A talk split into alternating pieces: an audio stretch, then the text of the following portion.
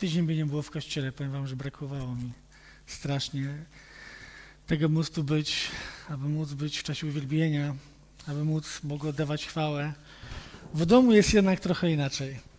Wiecie, kiedy dostałem od Boga słowo, kiedy pytałem się, co chcę powiedzieć do kościoła, dość szybko od Boga dostałem słowo. Wtedy czuję taki, taki spokój, bo wiecie, dostał słowo, już się nie martwi do tego, co Bóg powie, ale dostałem słowo, które Bóg w tygodniu bardzo szybko w moim życiu zweryfikował. Dał mi słowo, które potem w moim życiu pozwoli, żeby zostało sprawdzone. I chcę powiedzieć, że poległem na tym słowie. Kiedy potem usiadłem sobie, pomyślałem, zacząłem czytać to słowo, które Bóg mi dał, to stwierdziłem, że jakże daleko mi do tego.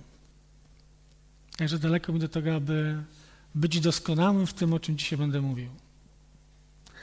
O tej doskonałości, o której mówi Jakub. O człowieku doskonałym. Ale żeby nie zdradzać, to może potem powiem według Jakuba, który to jest człowiek doskonały. Wiecie, ja wierzę w to, że Duch Święty w naszym Kościele zaczyna pewne rzeczy mówić.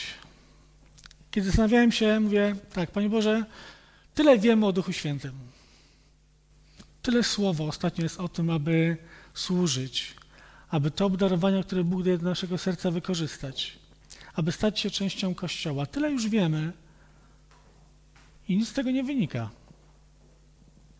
Dlaczego tak mało widzimy, jak Duch Święty działa w nas? Dlaczego tak mało widzimy tego, jak Duch Święty działa przez nas? Wiem, że jest wiele rzeczy, które mają na to wpływ, ale mi Duch Święty położył jakby uwagę na to jedno słowo, właściwie na dwa słowa, na owoc naszych warg. Dlaczego nie jest tak, jakbyśmy chcieli? Dlaczego nie przeżywamy tak Bożej obecności? Wiecie, czasami może nie tak spektakularnej, ale takiej osobistej, wewnętrznej, takiej przymieniającej nasze życie. I wiecie, że gdy Bóg kieruje do nas słowa i mówi, bądźcie pełni Ducha Świętego, przygotowuje was na coś, co przychodzi, bo chce, abyście sobie nawzajem służyli, to mówi to po to, aby Kościół przygotował się na to, co nadchodzi. Dałem wam wszystkim, moim wybranym, obietnicę, dar Ducha Świętego. Każdy, kto prosi, otrzymuje. A skoro jesteśmy wybrani, otrzymaliśmy, to dlaczego tak często w naszym życiu nie widzimy wzrostu? W tych darze, w tych darach, w tym darze, w usługiwaniu. Dlaczego tak często nie służymy tymi darami nie tylko w kościele, ale nie służymy również sobie nawzajem? Wiecie, że zastanawiać się, dlaczego tak jest? Dlaczego nie służymy? Skoro każdy otrzymał, każdy wierzący, każdy, który oddał swoje życie Jezusowi, otrzymał Ducha Świętego. Każdy, kto prosił, otrzymał. Dlaczego nasze życie? Pójdę krok dalej. Dlaczego nasze życie tak często pozbawione jest mocy Ducha Świętego? Mocy, która przemienia nasze życie, to jest ta pierwsza rzecz. A druga mocy tego, że nie stajemy się naczyniami użytecznymi w Jego ręku. Bo przecież Bożym planem dla Kościoła nie jest to, abyśmy się spotykali sami z sobą i się dobrze czuli. Kościół ma wyjść do ludzi, ma być dla ludzi, ma głosić, ma ogłaszać, ma zwiastować, ma nieść dobrą nowinę. To dlaczego nie widzimy działania Ducha Świętego tak, jak o tym czytamy na kartach Pisma Świętego? Dlaczego często tak w naszym życiu brakuje owocu Ducha Świętego? Nie mówię o owocach, mówię o jednym owocu. O owocu miłości, radości, pokoju, sprawiedliwości. Znamy ten fragment wszyscy pewnie na pamięć. Dlaczego tak jest, że ten Duch Święty, o którym czytamy, to czyni takie wspaniałe rzeczy, w nas i przez nas tak nie działa? Czy masz ten owoc radości? Jaki to jest owoc radości? Wiecie, to jest radość pomimo wszystko, pomimo to, co się dzieje wokoło nas. Niezależnie od tego, czy jestem zdrowy czy chory.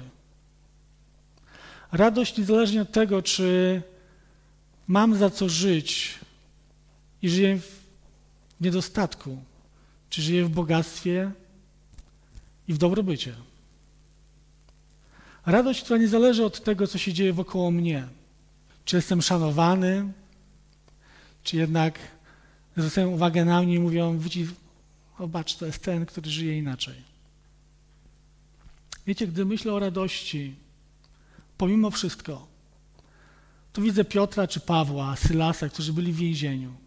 Okoliczności były złe, ale oni w tym miejscu potrafili się radować.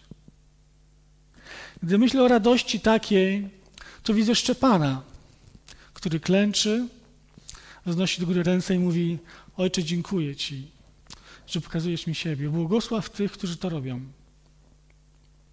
Gdy myślę o radości, to nie o radości, która wypływa z tego, co się dzieje wokoło mnie, ale radości, która wypływa z mojego wnętrza, a radości, która wypływa z tego, że w moim życiu jest obecność Ducha Świętego. Wiecie, radości, która nie pozostaje obojętna na moje oblicze.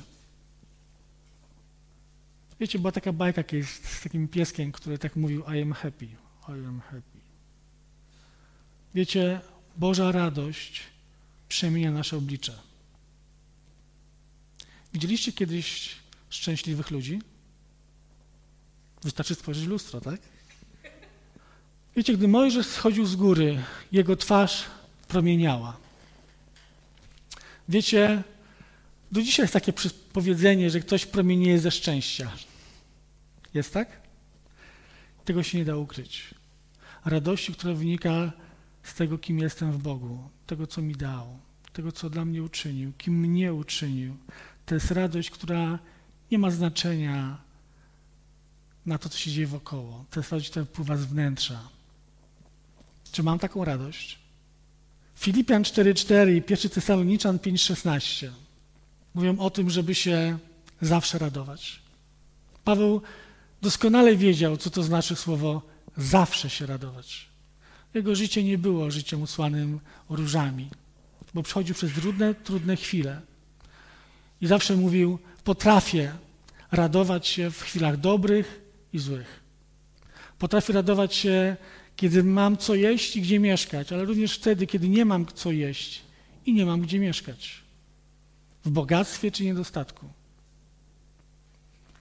Piotr w swoim liście, pierwszym liście 1,6 powiedział, że potrafię być szczęśliwy, radosny, niezależnie od doświadczeń, które do mojego życia przychodzą. Czy mamy taką radość w swoim życiu?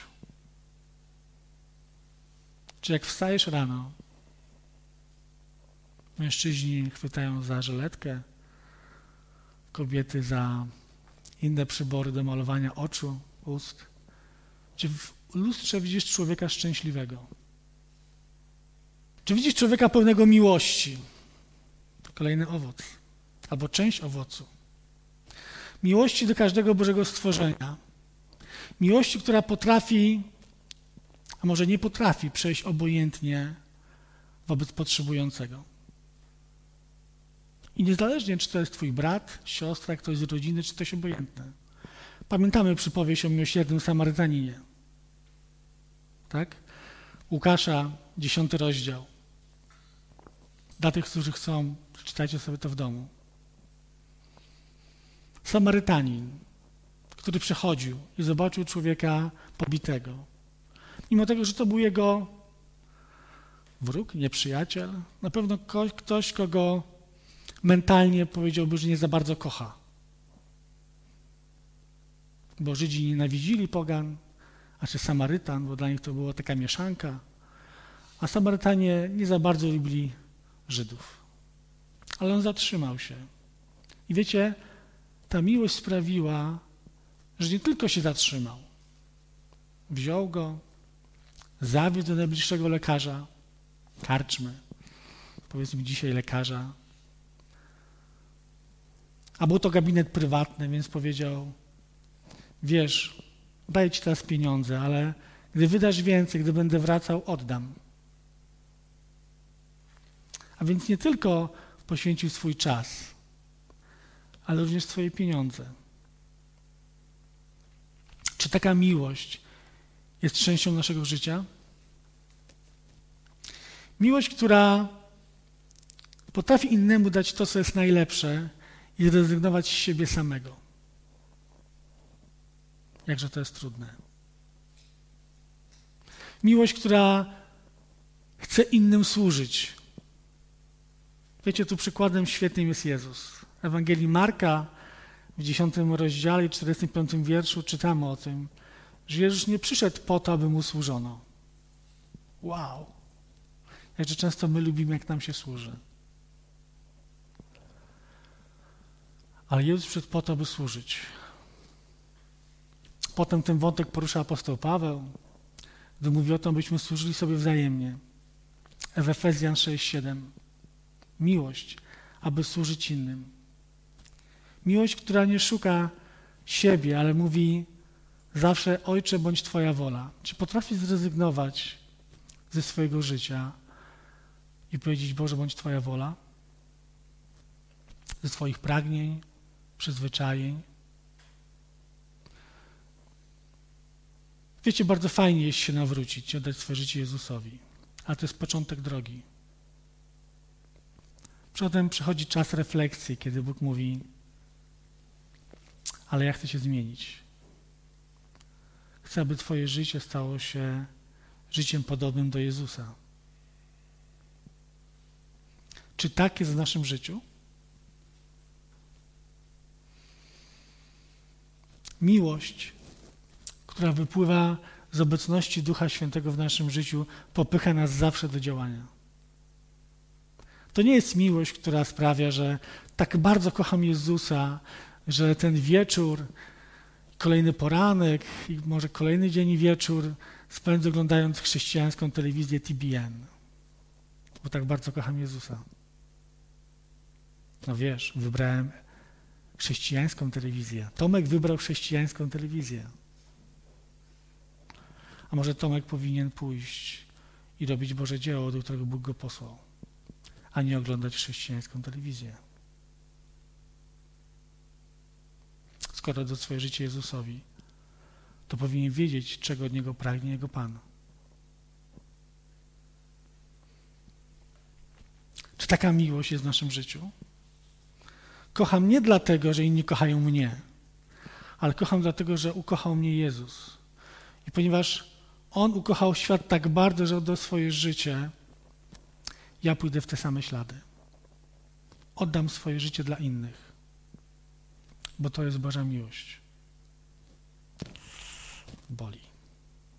Mam swoje plany, mam swoje pragnienia, swoje cele. Czy mam Boży pokój? Kolejna rzecz cudowna. Pomimo tego, co się słyszy wokoło, Dawid już dzisiaj powiedział, o tu na początku. Wiecie, ten świat zwariował. Ja nie wiem, czy to jest sztuczny, czy naturalny wirus. Mnie to nie interesuje.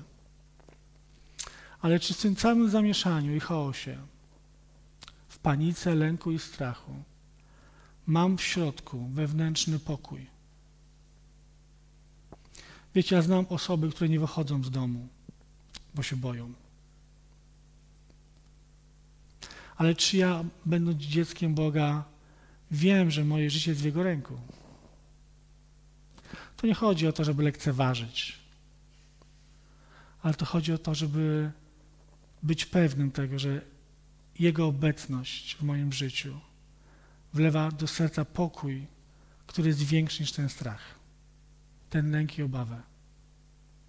Czy mam w swoim życiu pokój, pomimo braku środków finansowych do życia, pomimo choroby?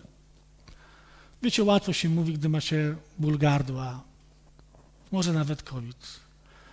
Jakże ciężko, kiedy trzeba stanąć w obliczu choroby, jaką jest rak,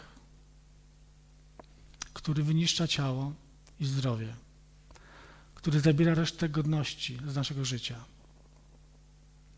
Czy wtedy potrafię się radować? Czy potrafię radować, mieć Boży pokój? pomimo tego, co widzę w lustrze, pomimo tego, jak się czuję. Czy mam ten Boży pokój, który nie wynika z okoliczności, bo one są fatalne, ale wynika z mojej relacji z Duchem Świętym. Pokój, który mówi, nawet gdy Pan mnie nie, nie uleczy, nie wybawi, to przecież spotkam się z Nim. Czy mam ten Boży pokój w swoim życiu? Czy mam Boży pokój w swoim życiu, pomimo tego, że zostałem w swoim życiu odrzucony? Przez rodzeństwo, przez rodziców, przez kolegów, gdzie rosnę w takim myśleniu o sobie jako kimś gorszym. Tak, tamci mają fajnie, a ja jestem taki belejaki. Czy wiecie, czy, czy pozwalam, aby moje życie rosło w takim strachu i lęku, niepewności o moje życie, w takim poczuciu bycia gorszym? Czy przyjmuję od Ducha Świętego Jego pokój? Że jeżeli oddaję Mu Jego swoje życie pod Jego tron, to On przeprowadzi mnie i postawi tam, gdzie chciał. Wiecie, ja się bardzo bałem w moim życiu moje życie, bo wiem, z czego wyciągnął mnie Bóg. Zawsze używam takiego słowa, którego moja żona nie lubi. Zawsze mówię jej, wybaczcie, że użyję tego słowa. Może nie jest zbyt święte, ale pokazuje, ilustruje dość dobrze to, co sobie myślałem. A myślałem o sobie tak, zawsze. Widzisz, Magda, wzięłaś mnie jako takiego gołodupca.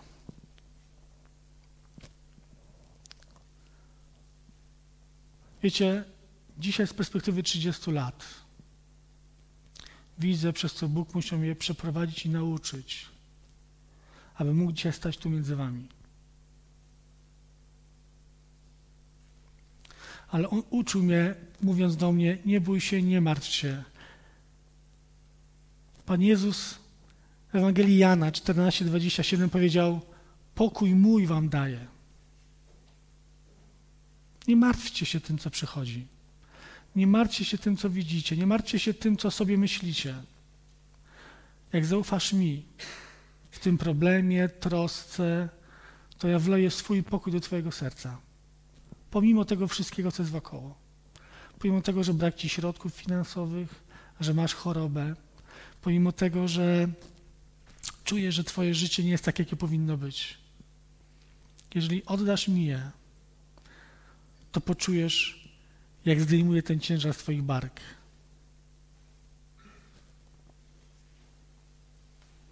To jest spokój, który sprawia, że wiem, do kogo należę. I niezależnie od tego, co by mnie spotkało, wiem, że jestem z Nim. Sprawiedliwość. Czy masz to poczucie Bożej sprawiedliwości w swoim życiu? Nie ludzkiej sprawiedliwości, bo wiecie, nasza sprawiedliwość jest bardzo prosta. Oko za oko, ząb za ząb. Ktoś mi zrobił krzywdę, to mam prawo do tego, aby oddać. Ale Boża Sprawiedliwość mówi, pomsta do mnie należy. Oddaj mi. Boża Sprawiedliwość, która dokonała się na krzyżu w Jezusie. Wiecie, ja zawsze miałem problem taki w moim początkowym etapie chrześcijaństwa, że kiedy upadłem, kiedy zrobiłem coś, co wiedziałem, że się Bogu nie podoba, nie potrafiłem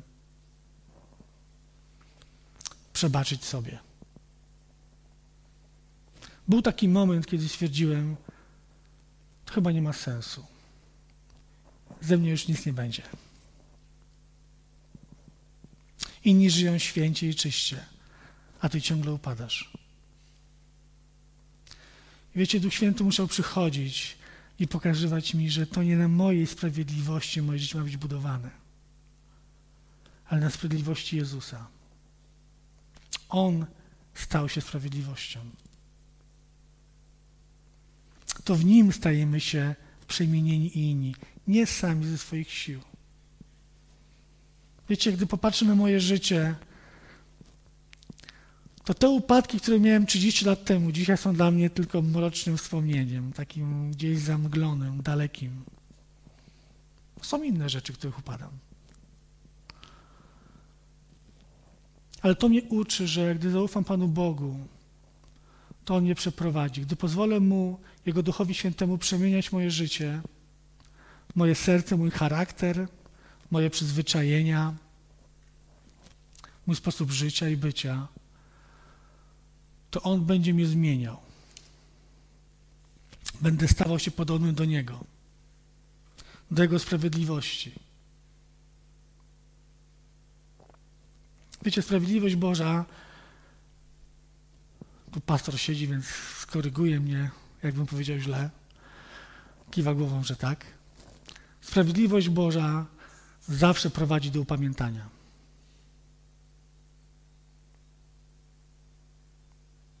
Ale to nie koniec. Wiecie, przez wiele lat mojego życia chrześcijańskiego dochodziłem do tego momentu, że sprawiedliwość Boża prowadzi do upamiętania. Nie chciałbym powiedzieć, że jest wyższy level, bo to nie jest gra. Ale sprawiedliwość Boża, gdy przyprowadza nas pod krzyż, to potem prowadzi nas do tronu chwały i uwielbienia. Zawsze po Golgocie jest zmartwychwstanie. Nie skończyło się tym, że jest umarł, zawisł i koniec. Ale trzeciego dnia zmartwychwstał. Nasze życie, kiedy przychodzimy pod krzyż, nasze grzechy są przebaczone, powinno pójść dalej pod tron chwały i uwielbienia. Pod tron, gdzie moje życie jest przemieniane Jego świętością, Jego sprawiedliwością, Jego miłością, Jego pokojem i Jego radością.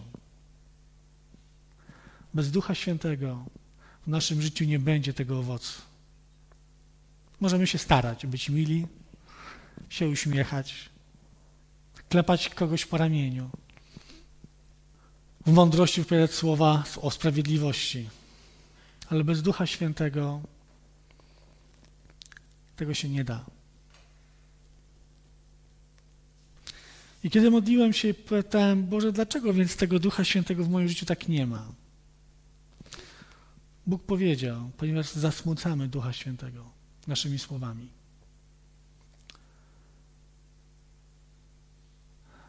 Efezjan 4:30. Myślę, że wszyscy znają to na pamięć. Wszyscy, którzy czytają Boże Słowo, wiedzą, że jest tam zapisany taki fragment przez apostoła Pawła, że nie zasmucajcie Ducha Świętego, którym zostaliście zapieczętowani na dzień odkupienia. Wiecie, kiedy zasmucamy Ducha Świętego naszymi ustami, tym, co wypowiadamy, to tracimy tą bliską relację. Jest tak, czy nie jest tak? Wiecie, ja nie raz swoim życiu doświadczyłem tego, że miałem cudowną, poranną społeczność z Panem Bogiem. Czułem działanie Ducha Świętego. Jadę do pracy, powiedziałem o dwa słowa za dużo i tak jakby ktoś wsadził szpilę w balon. Psss, flak. Koniec. I potem dzień leci w sposób kompletnie niekontrolowany. Wiecie dlaczego? Bo gdy zasmucamy Ducha Świętego, to w naszym życiu momentalnie w to miejsce wskakuje nasza stara natura. Nasze stare przyzwyczajenia. Nasz język, mowa, zachowania, czyny. W świecie duchowym nie ma próżni. Nie ma momentu, just time, poczekajcie chwilę, teraz się zastanowię. Jeżeli zasmucimy Ducha Świętego, momentalnie w naszym życiu pojawia się nasza stara natura, która podpowiada Tobie, jak żyć, jak się zachować i co powiedzieć. Komu gdzie wbić szpilę, aby poczuł. Ja myślę, że apostoł Paweł, gdy mówi nie zasmucajcie Ducha Świętego, doskonale wiedział, co mówi. Wiecie, gdy to trwa trochę dłużej, to zaczynamy mieć coraz mniejszą ochotę na modlitwę, na czytanie słowa, potem na przychodzenie do kościoła. kiedy zasmucamy Ducha Świętego,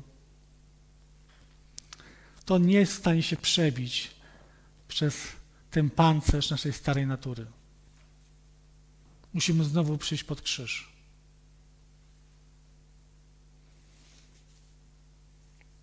Jaki jest owoc?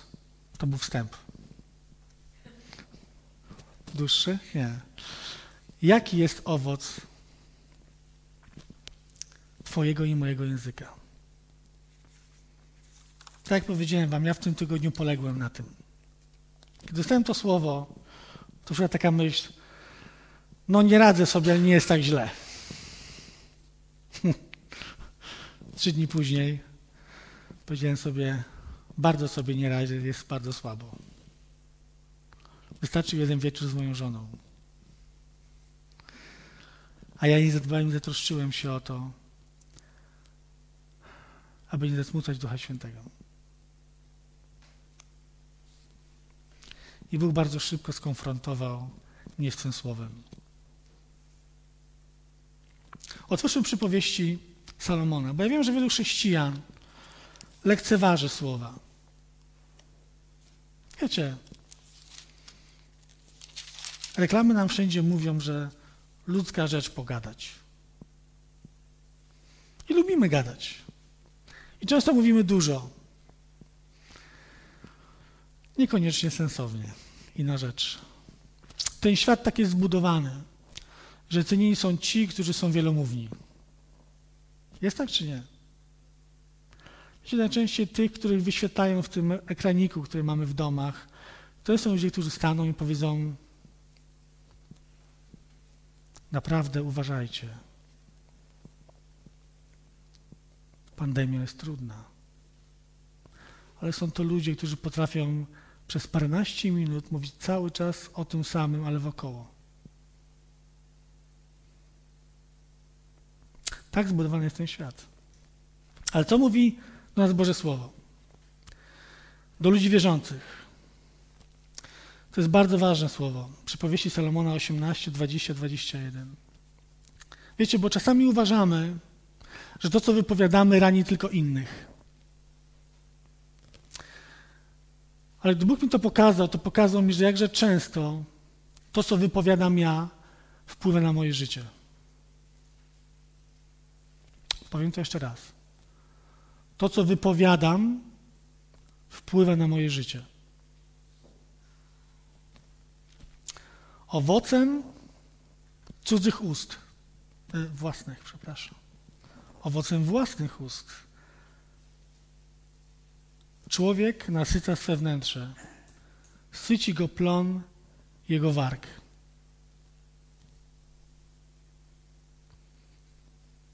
Wiecie też pewne Boże prawo, prawo siania i zbierania. Często o tym mówię, bo to jest jedno z podstawowych Bożych praw biblijnych, że coś się jest, to zbierzesz. Jeżeli z Twoich ust wychodzi, wychodzą rzeczy, których nie powinny wychodzić, to one nie tylko wychodzą i ranią bardzo często osoby na zewnątrz, ale wpływają na ciebie.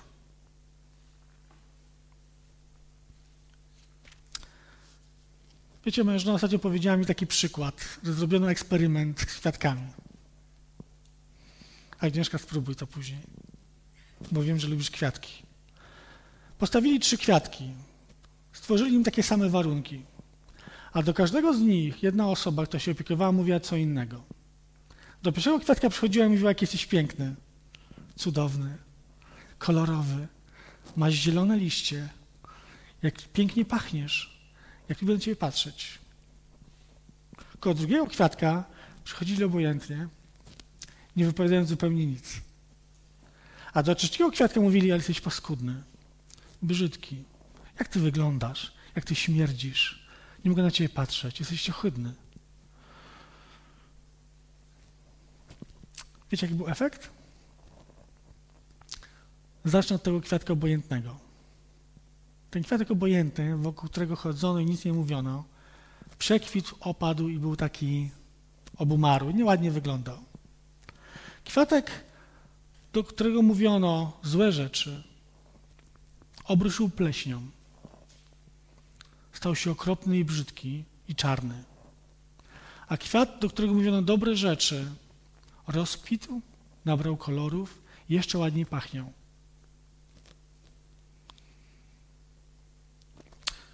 Wiecie, nasze słowa mają moc. I to jest przesłanie tego kazania. To, co mówimy, ma moc. Werset 21. Śmierć i życie są w mocy języka. Kto umie się nimi posługiwać, korzysta z jego owocu.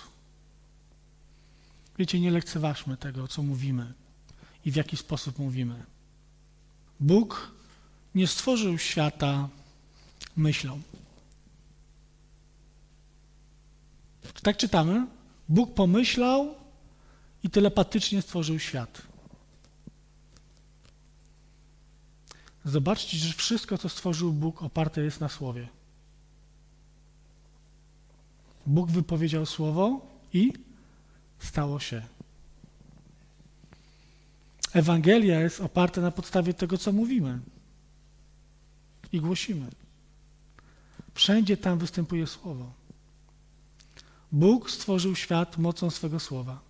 Ewangelia Jana, pierwszy rozdział. Nie będziemy tego czytać, ale myślę, że pamiętamy to dobrze. Na początku było słowo, a słowo było Bogiem, tak? A może na chwilkę zajrzyjmy tam Ewangelii Jana. Tak dobrze znany fragment.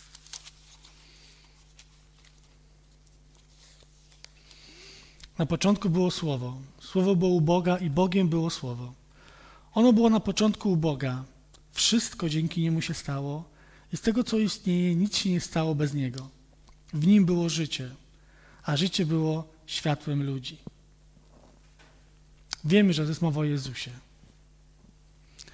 Ale wszystko, co Bóg stworzył, stworzył mocą swego słowa. Śmierć i życie w mocy naszego słowa. Więc jeżeli zasmucamy Ducha Świętego, to wtedy w naszym życiu, w naszym słowie jest życie czy śmierć? Jeżeli w naszym życiu jest pełnia mocy Ducha Świętego, że dbamy i troszczymy się o to, co wypowiadamy, to ja wierzę w to, że w mocy naszego języka jest budowanie, jest życie, jest nadzieja, jest radość, jest pokój, jest miłość. Ale kiedy nie dbamy i nie troszczymy się o obecność Ducha Świętego w naszym życiu,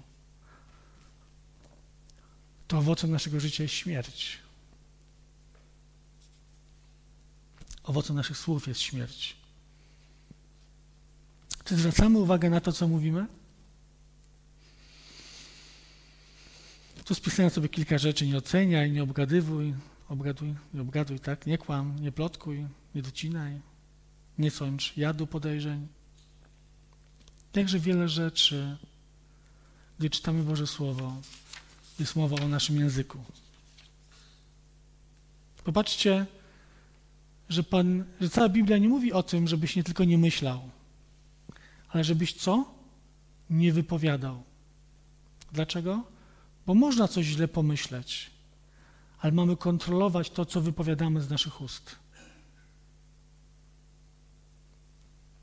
Ja wierzę w to, że to jest jedna z głównych przeszkód, dlaczego dzisiaj nie widzimy działania Ducha Świętego wśród nas. Nie dbamy i nie pilnujemy tego, co wychodzi z naszych ust. Jakże często to, co spotyka w naszym życiu, trudne chwile, brak błogosławieństwa, jest wynikiem i konsekwencją tego, co wypowiadamy. Oj, przesadzasz. Myślę, że nie. Gdy popatrzę na żonę Dawida, króla, pamiętacie historię? Gdy Dawid wracał z arką, zachowywał się w sposób bardzo charyzmatyczny i zielonoświątkowy. Jego żonie się to bardzo nie spodobało. Ale nie poprzestała na tym, aby tylko pomyśleć o nim źle. Ale kiedy przyszedł, powiedziała to do niego. Powiedziała do niego, jak się zachowuje. On powiedział, nie przed Tobą, to robiłem przed Bogiem. I mam pytanie do Was. Czy to, co powiedziała, skończyło się dla niej jakąś konsekwencją? Pamiętacie? skończyło się konsekwencją, które w tamtym czasie dla kobiety było największym błogosławieństwem albo przekleństwem. Nie mogła mieć dzieci do końca swojego życia. To był jej mąż. Miała prawo powiedzieć mężowi, co o nim myśli. Czy na pewno? Mówiąc o kimś źle, świadczymy o swoim sercu i ściągamy na siebie przekleństwo grzechu. Nasze słowa przywodzą nas do zguby. Słowa mają moc albo budować, albo burzyć. Chciałem coś przekazać dla mężczyzn. Lekcje z tego tygodnia mojego życia. Musimy, drodzy mężczyźni, nauczyć się, że nieważne jest tylko to, co przekazujemy, a więc nieważna jest tylko treść. Ale ważne jest również forma i styl, w jaki sposób to robimy. To jest lekcja mojego tygodnia. Bo przekazywałem żonie pewne informacje, które dla mnie były informacjami. Ale ich forma i styl powodowały to, że moja żona czuła się oskarżona. I przez to potem było dużo innych słów. A więc, drodzy mężczyźni, nauczmy się tego, że nieważne jest tylko to, co przekazujemy, ale ważny jest forma, styl, a więc sposób, w jaki to robimy. Otwórzmy proszę Jakuba. List Jakuba, brata Pana Jezusa. Myślę, że brat Pana Jezusa przez paręnaście, a może nawet parędziesiąt lat, gdy widział Jezusa, to potem wiedział, o czym mówi i o czym pisze. Jakuba, trzeci rozdział. Proszę przeczytać ten fragment w całości, czyli od rozdziału od pierwszego wersetu do, do dwunastego. Ale ja chciałbym się skupić teraz na wersetach od piątego. Podobnie język jest małym członkiem, a szczyci się wielkich spraw. Zauważcie, jak wielki las może spłonąć z powodu małego ognia. Język jest właśnie takim ogniem, światem nieprawości pośród naszych członków. Plamie on całe ciało i rozpalony zepsuciem miejsca kary wprawia w ruch koło najniższych skłonności. Jakże często doświadczyłem to w moim życiu. Że kiedy pozwoliłem, by z języka mojego wyszły, z moich wyszły te słowa, które nie powinny, to potem budziły się demony mojego starego człowieka zachowanie, wybuchowość, gniew, złość.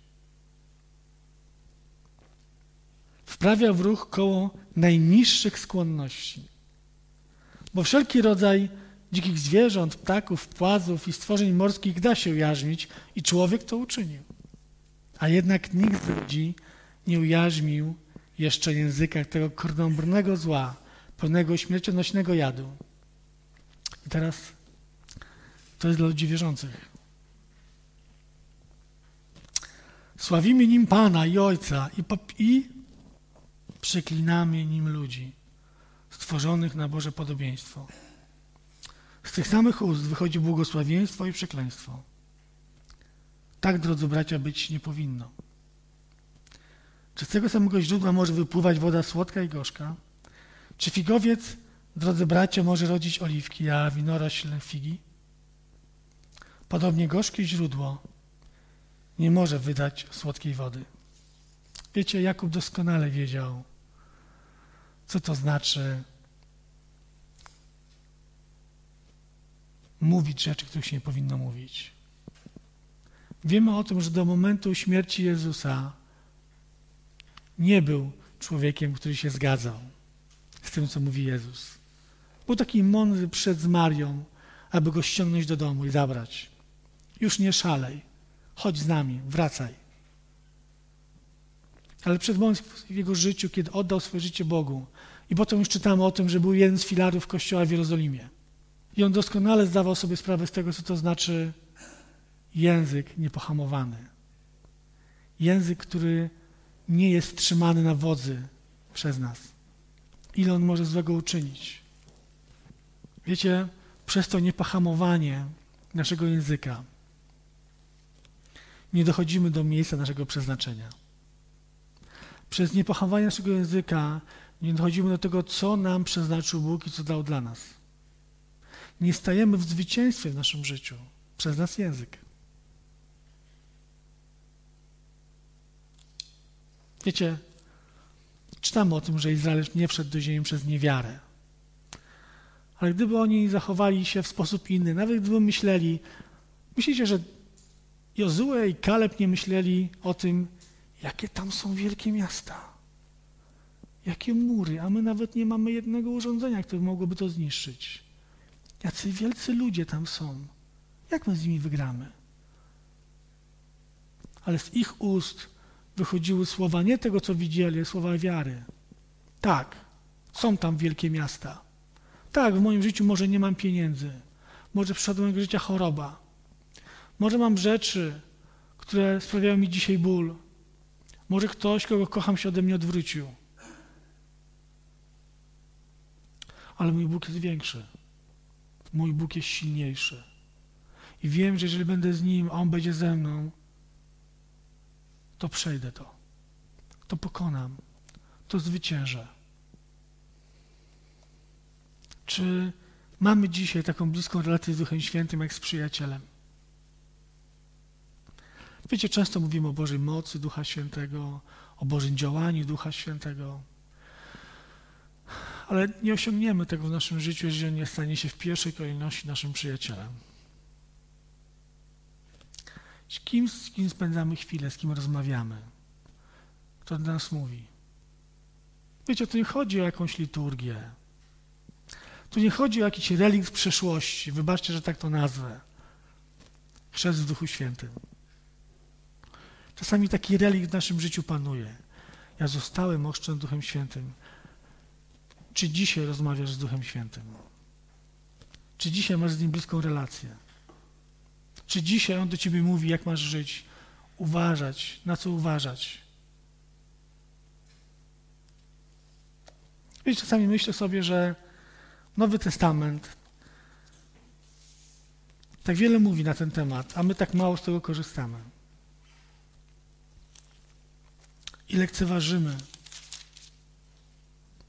to, co wychodzi z naszych ust. Otwórzmy Ewangelię Mateusza. Tam jest pewna taka historia. Dwunasty rozdział. Trzydzieści jeden, trzydzieści siedem. Pan Jezus powiedział tak. Dlatego mówię wam, każdy grzech i oszczerstwo mogą być ludziom wybaczone, lecz uwłaczanie duchowi jest niewybaczalne. Kto powiedziałby słowo przeciwko synowi człowieczemu temu, a tu jestem napisane, będzie mu wybaczone, lecz kto by je wypowiedział, lecz kto by wypowiedział przeciwko Duchowi Świętemu, nie będzie mu wybaczony ani w tym wieku, ani w nadchodzącym. Wyhodujcie sobie dob dobre drzewo, to i owoc będzie dobry. Wyhodujcie bezużyteczne, to owoc będzie bezużyteczny, bo drzewo rozpoznaje się po owocu. O wy, pomioty żmii, jak możecie mówić dobrze, skoro jesteście źli? Przecież z obfitości serca mówią usta. Dobry człowiek z dobrego skarbca wydobywa dobro, a zły człowiek ze złego wydobywa zło.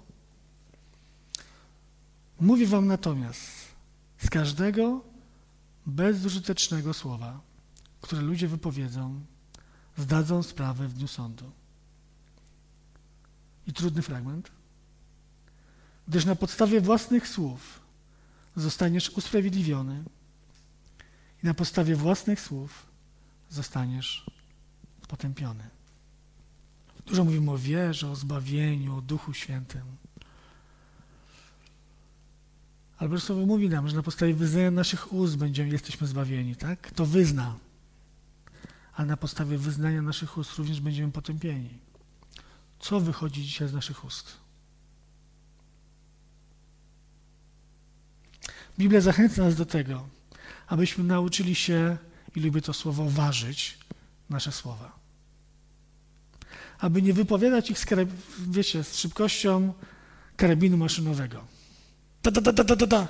Kałuszników miał to do siebie, że ty strzelałeś, a faktycznie to przysłowie, że Bóg niósł kulę, było prawdą. Chciałeś coś trafić, ale dookoła byli wszyscy poranieni. Dbajmy, żeby nasze słowa, nasz, nasz język taki nie był. Abyśmy nie zasmucali Ducha Świętego. Aby nasze słowa były w sposób, wypowiadane w sposób rozsądny, przemyślany, wyważony, odpowiedni. O, jak ja bym tego chciał. Bardzo Cię, Panie, o to proszę, uczyń to w moim życiu. Jest taki fragment na koniec. Fragment, który, gdy czytam i sobie o nim myślę, to fajnie byłoby go sobie kiedyś wypisać takimi złotymi gostkami, głoskami na wielkim papierze, powiesić na ścianie naprzeciwko miejsca, gdzie śpię, abym go codziennie rano, gdy wstaję, widział. I to nie jest fragment z Nowego Testamentu, ale to jest fragment ze Starego Testamentu. Fragment kaznodziei Salomona albo Koheleta, bo to w różnych tłumaczeniach Biblii różnie jest tłumaczone. Fragment, który mi daje bardzo wiele do myślenia odnośnie tego, co wychodzi z moich ust. Piąty rozdział Księgi Kaznodziei Salomona i przeczytamy ten fragment cały. Jeszcze mam chwilę czasu, więc... O, początek już jest ostry. Nie bądź prędki w mówieniu, w mowie. I zanim pomyślisz, nie wypowiadaj słów przed obliczem Boga. Tu nie chodzi o to, żebym nie, nie chodzi o modlitwę, tylko chodzi o to, abym wypowiadał słowa w momencie, jakie przemyślę, a nie wypowiedział słowa, a potem usiadł w kącie pokoju, jak ja często miałem i często mi czasami, może nie często, ale bywa tak w moim życiu ciągle jeszcze, że potem siadam i mówię, i po co ja to powiedziałem? Macie tak? I po co ja to powiedziałem? Przecież w ogóle tego nie miałem na myśli. Ale poszło. A więc nie bądź prędki w mowie. I zanim pomyślisz, nie wypowiadaj słów przed obliczem Boga. Bóg bowiem jest w niebie, a ty na ziemi. Ty jesteś na ziemi. Dlatego Twoich ust, Twoich słów niech będzie niewiele. O, wiecie, w tym świecie to jest bardzo impopularne. Gdyż jak wielość zajęć rodzi potrzebę snu. Czyli jak często przychodzisz, robisz wiele zajęć, napracujesz się przez cały dzień, to potem ci się dobrze śpi. Myślę, że osoby, które mają ogródki, po takim dniu spędzonym na ogródku wracają do domu, to jest chwila i światło zgasło. I śpią. A więc gdy, gdyż jak wielkość zajęć rodzi potrzebę snu, tak przy wielości słów wypowiadane są mądrości. Tak jest napisane? Nie. Przy wielości słów wypowiadane są głupstwa. Gdzie potok słów, tam głupia mowa. Brytyjka, tak? Gdy złożysz przed Bogiem śluby, nie zwlekaj z Jego spełnieniem. Ślub nie zwlekaj z Jego spełnieniem. Jemu się głupcy nie podobają. Co ślubowałeś, wypełnij. Mam do Ciebie pytanie dzisiaj, drogi bracie, droga siostro. Przypomnij sobie, co ślubowałeś w momencie, kiedy byłeś zanurzany w baptysterium. Lepiej nie składać ślubów, niż składać i nie wypełniać.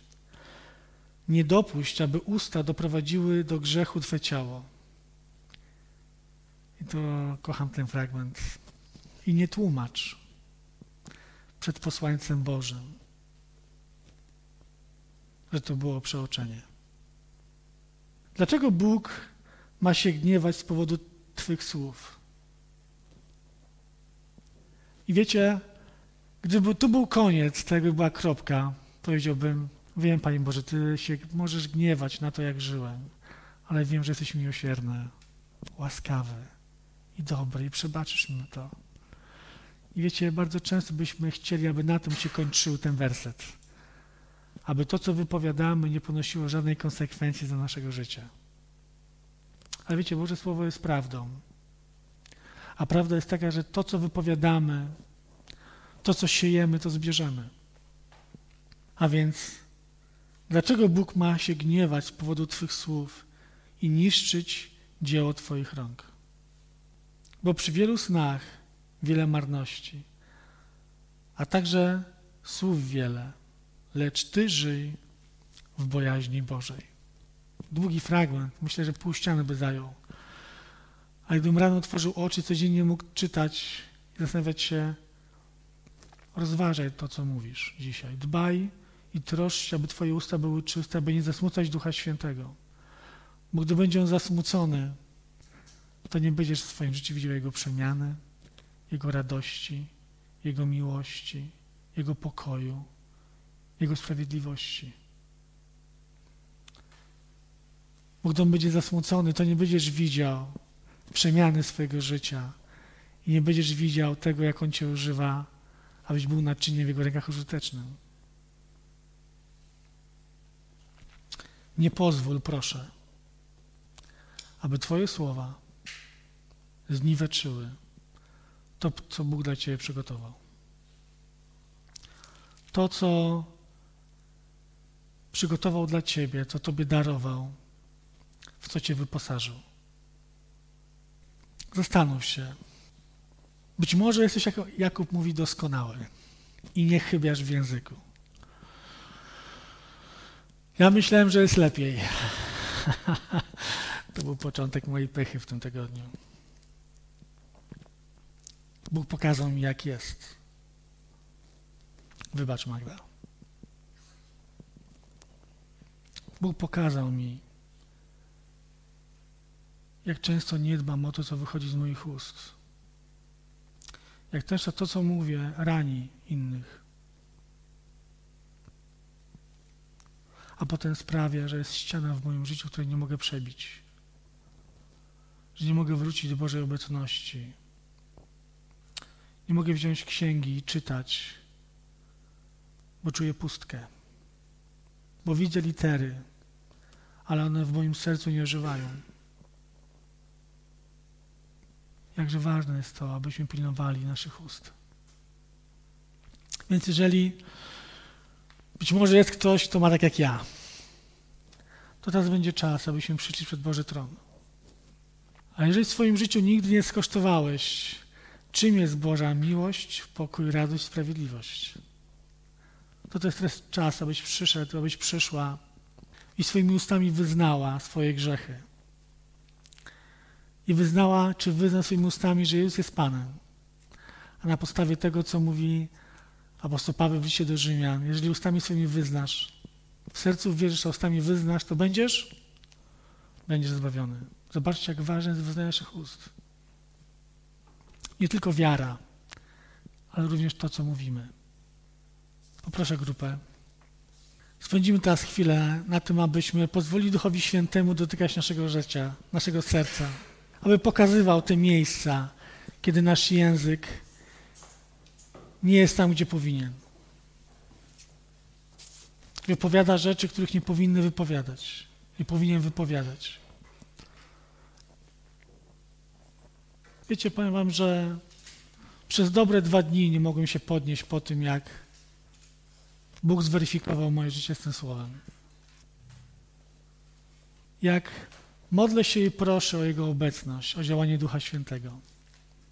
On mówi do mnie, ekstra i fajnie, że chcesz, ale popatrz na to, co mówisz. Popatrz na to, czy Twój język jest językiem przemienionym. Jeżeli chcesz, uklęknij, wstań, rozsiądź się wygodniej. Przyjdźmy teraz przed Boży Tron, prosząc Boga o to, aby Duch Święty dotykał. Ojcze Niebieski, dziękujemy Tobie za to, że dzisiaj możemy stać przed Twym tronem. Ojcze, ja wyznaję Tobie to, że często w moim życiu z moich ust wychodzą rzeczy, których nie powinny wyjść.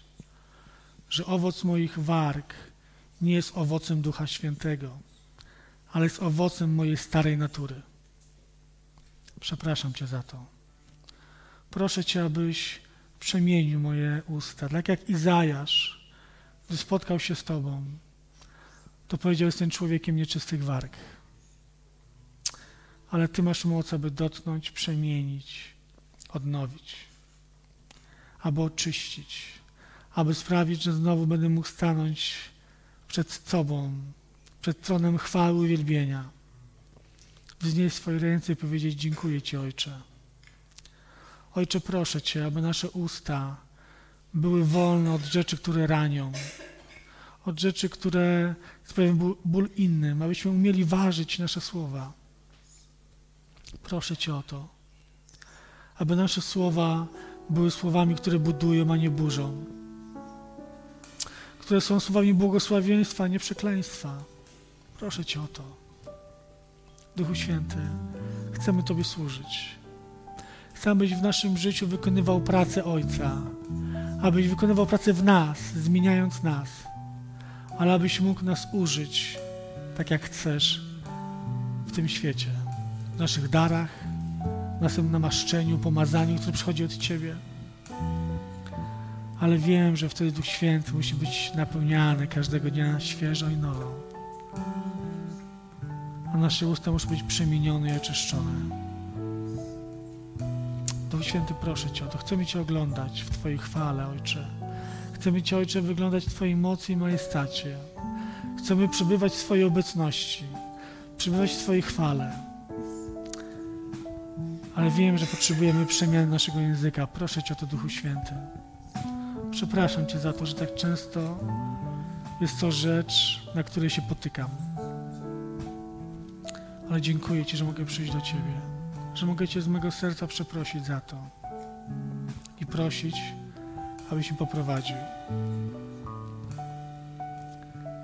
przemienił, abym mógł stawać się podobnym do Jezusa. Dziękuję Ci za to. Tobie, Ojcze, nie będzie chwała i cześć. Tobie nie będzie uwielbienie. Oddajemy chwałę Bogu.